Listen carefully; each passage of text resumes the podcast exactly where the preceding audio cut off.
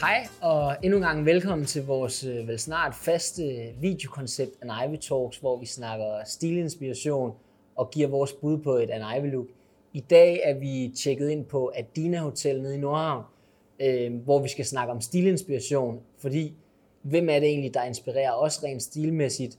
Øh, hvor kigger vi hen, når vi skal finde nye måder, hvorpå vi kan style slipset på, og hvordan skete det egentlig lige pludselig, at vi begyndte at gå med slips. Øh, men først, lad os lige øh, tage vores øh, faste koncept, fit-checket.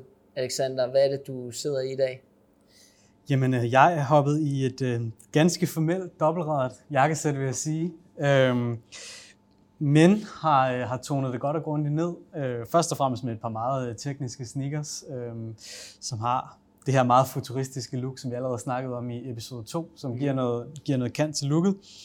Øhm, så sidder jeg i et af vores, øh, vores opkrassede øh, silkeslips fra vores øh, efterårskollektion, som igen med den her lidt øh, ja, opkrassede overflade, så får det hele lidt mere uformelt look, så det står som en fin kontrast til det dobbeltrede sæt. Og til sidst så sidder jeg i den øh, lyseblå, meget preppy Oxford skjorte, som øh, ja, er et ikonisk item i, i herregarderoben. Hvad er du på i dag? Jamen, øh, nu er det jo 30 grader udenfor nærmest, så øh, jeg har droppet øh, overdelen, rullet ærmerne op på den hvide Oxford skjorte, sat det sammen med øh, et af vores øh, signatur strikslips, et par Army olivengrønne øh, bukser, lavet jakkesætsbukser i bomuld, og så et par ruskensko, som jeg synes øh, i, i camel, som øh, fungerer ret fint til den der grønne farve. Øh, og så til temaet, Alexander. Jeg synes, du skal starte her, øh, når du skal blive inspireret, og du kigger generelt, øh, hvad der sker ude på modescenen og så videre. Hvor kigger du så hen af lige pt? Faktisk så vil jeg gerne tage min, sådan min inspirationskilde helt tilbage til 2009, okay. hvor øh, ja, jeg, jeg synes, en af dem, som inspirerer mig allermest, altid har gjort det, det er vores gode ven af huset, den ukrainske kunstner Sergej Svirchenko, som, som bor i Danmark. Øhm, I 2009 der startede han et, en, en modeblog, Close Up and Private hed den, øhm, mm. hvor han med, med den tilgang, han ligesom havde til, til hele æstetikken, har revolutioneret modefotografiet først og fremmest. Mm. Men i de her modefotografier, der, øh, der er han ligesom givet sådan en eminent øh, måde at style slipset på. Øhm, det er aktuelt, men stadig så skæver det også rigtig meget til øh, altså de gamle traditioner i forhold til de her Oxford-skjorter og øhm, ja, også de, de, de brede pasformer. Mm. Øhm, og på hans blog, uh, Close Up and Private, der har han også lavet sådan en etikette for The Modern Classicist, som han kalder det, som meget godt indkapsler den preppy-stil, som vi også uh, er, er helt vilde med. Um, og der har han nogle, nogle forskellige bullet points, som, som for eksempel det her med at trust the classics. Um, han har også buy a pair of wingtips and loafers, som vi jo også uh, er, er sindssygt vilde med. Og så own several ties, snakker han også om, og han snakker om, at man altid skal binde foreign hand knot. Så, øhm, så man kan sige, vi, har, vi er ret ens på det her område, og, og generelt så har han bare været en, en kæmpe inspiration øh, lige fra starten, og han er det stadig. Han er super tro mod sin egen stil og bliver ved med at holde den, så det, øh, det har været ret stort, og, og ham ved jeg, du også godt kan lide. Præcis, det, det er sjovt, at, at det er en af de der figurer, man, man fulgte fra den helt spæde start, og som, som var med til at revolutionere ens egen øh, stil på sin vis. Mm. Øhm, og klart også, altså dermed er det også bare en af de, altså at vi deler mange af de samme værdier, hvad angår mm. stil, stil som, øh, som han gør. Så, øh, så jeg er i hvert fald enig her. Og en lille note her til var faktisk, at han fik jo også en af de her japanske magasiner, Free and Easy, som, ja. som noget af det første presseomtale, vi nogensinde fik med, med Ivy, så det har vi ja. været ret taknemmelige for lige siden.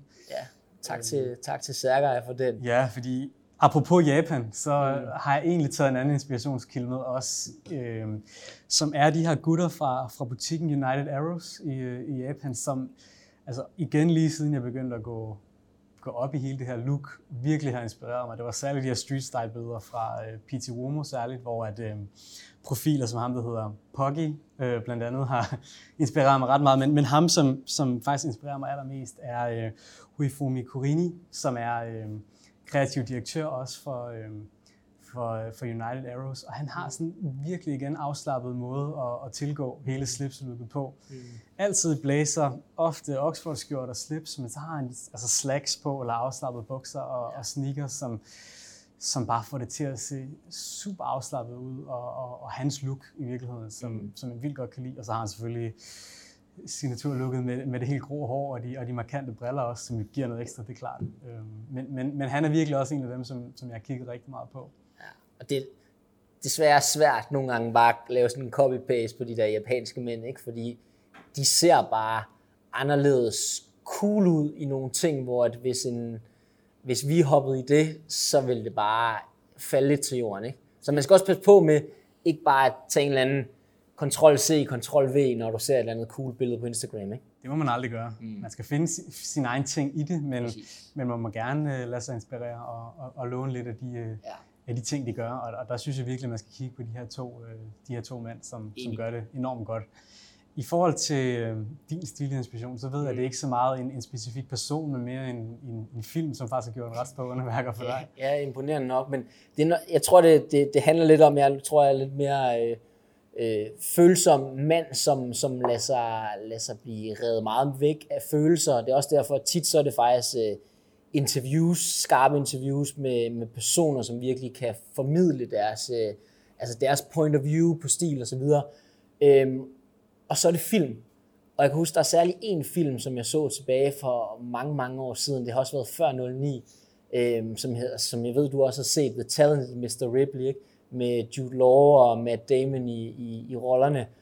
Og den er filmet nede i Italien, og den fanger bare den der italienske preppy vibe, afslappet, øh, cool casualhed på en eller anden måde, og blander den med de der amerikaner look, som også kom mm. tilbage for sådan noget, en 5-8 år siden, tror jeg. Øhm, og jeg kan huske, når jeg så den der film, så fik jeg bare lyst til at, at købe alt, hvad de, hvad de havde på. Jeg kan huske, de, de, de rockede nogle, øh, nogle lyse jeans. Øh, jeg købte hvide jeans nærmest lige efter igen, selvom at det absolut ikke var populært der. Og så kan jeg huske, en af de der, jeg tror, der er to looks, der særligt står, altså, står helt klart i mit minde. Det er øh, Matt Damons helt casual looks. Mm. Der kører han bare en, en åben blå Oxford button down skjort, som du sidder med. Ja. Øhm, og den kører han tit i den film. Og jeg kan huske, da filmen var færdig, hopper jeg bare på nettet, og så køber jeg bare de to fedeste, jeg kunne finde, og så blev det bare sådan en øh, everyday uniform for mig.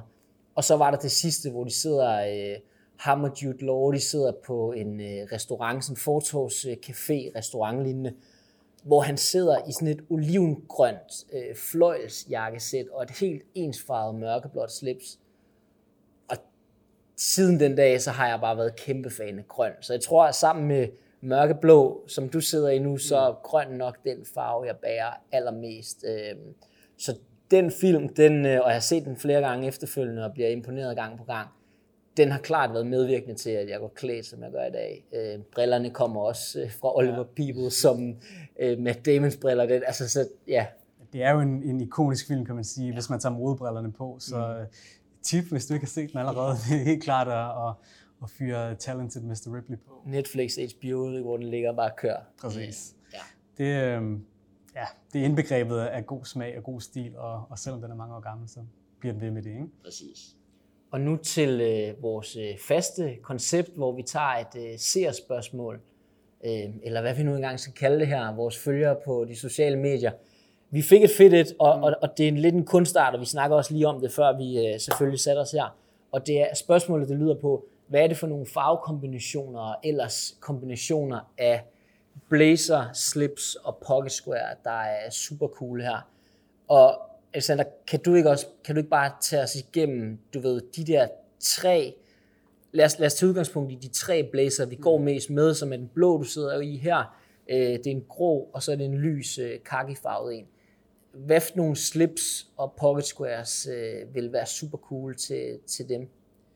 Jeg vil sige, at hvis, hvis man har blå blazer på, og ikke nødvendigvis vil have det her Tony Tony look med det, med det blå slips, så, mm. så de, de grønne styles gør det helt sindssygt godt til.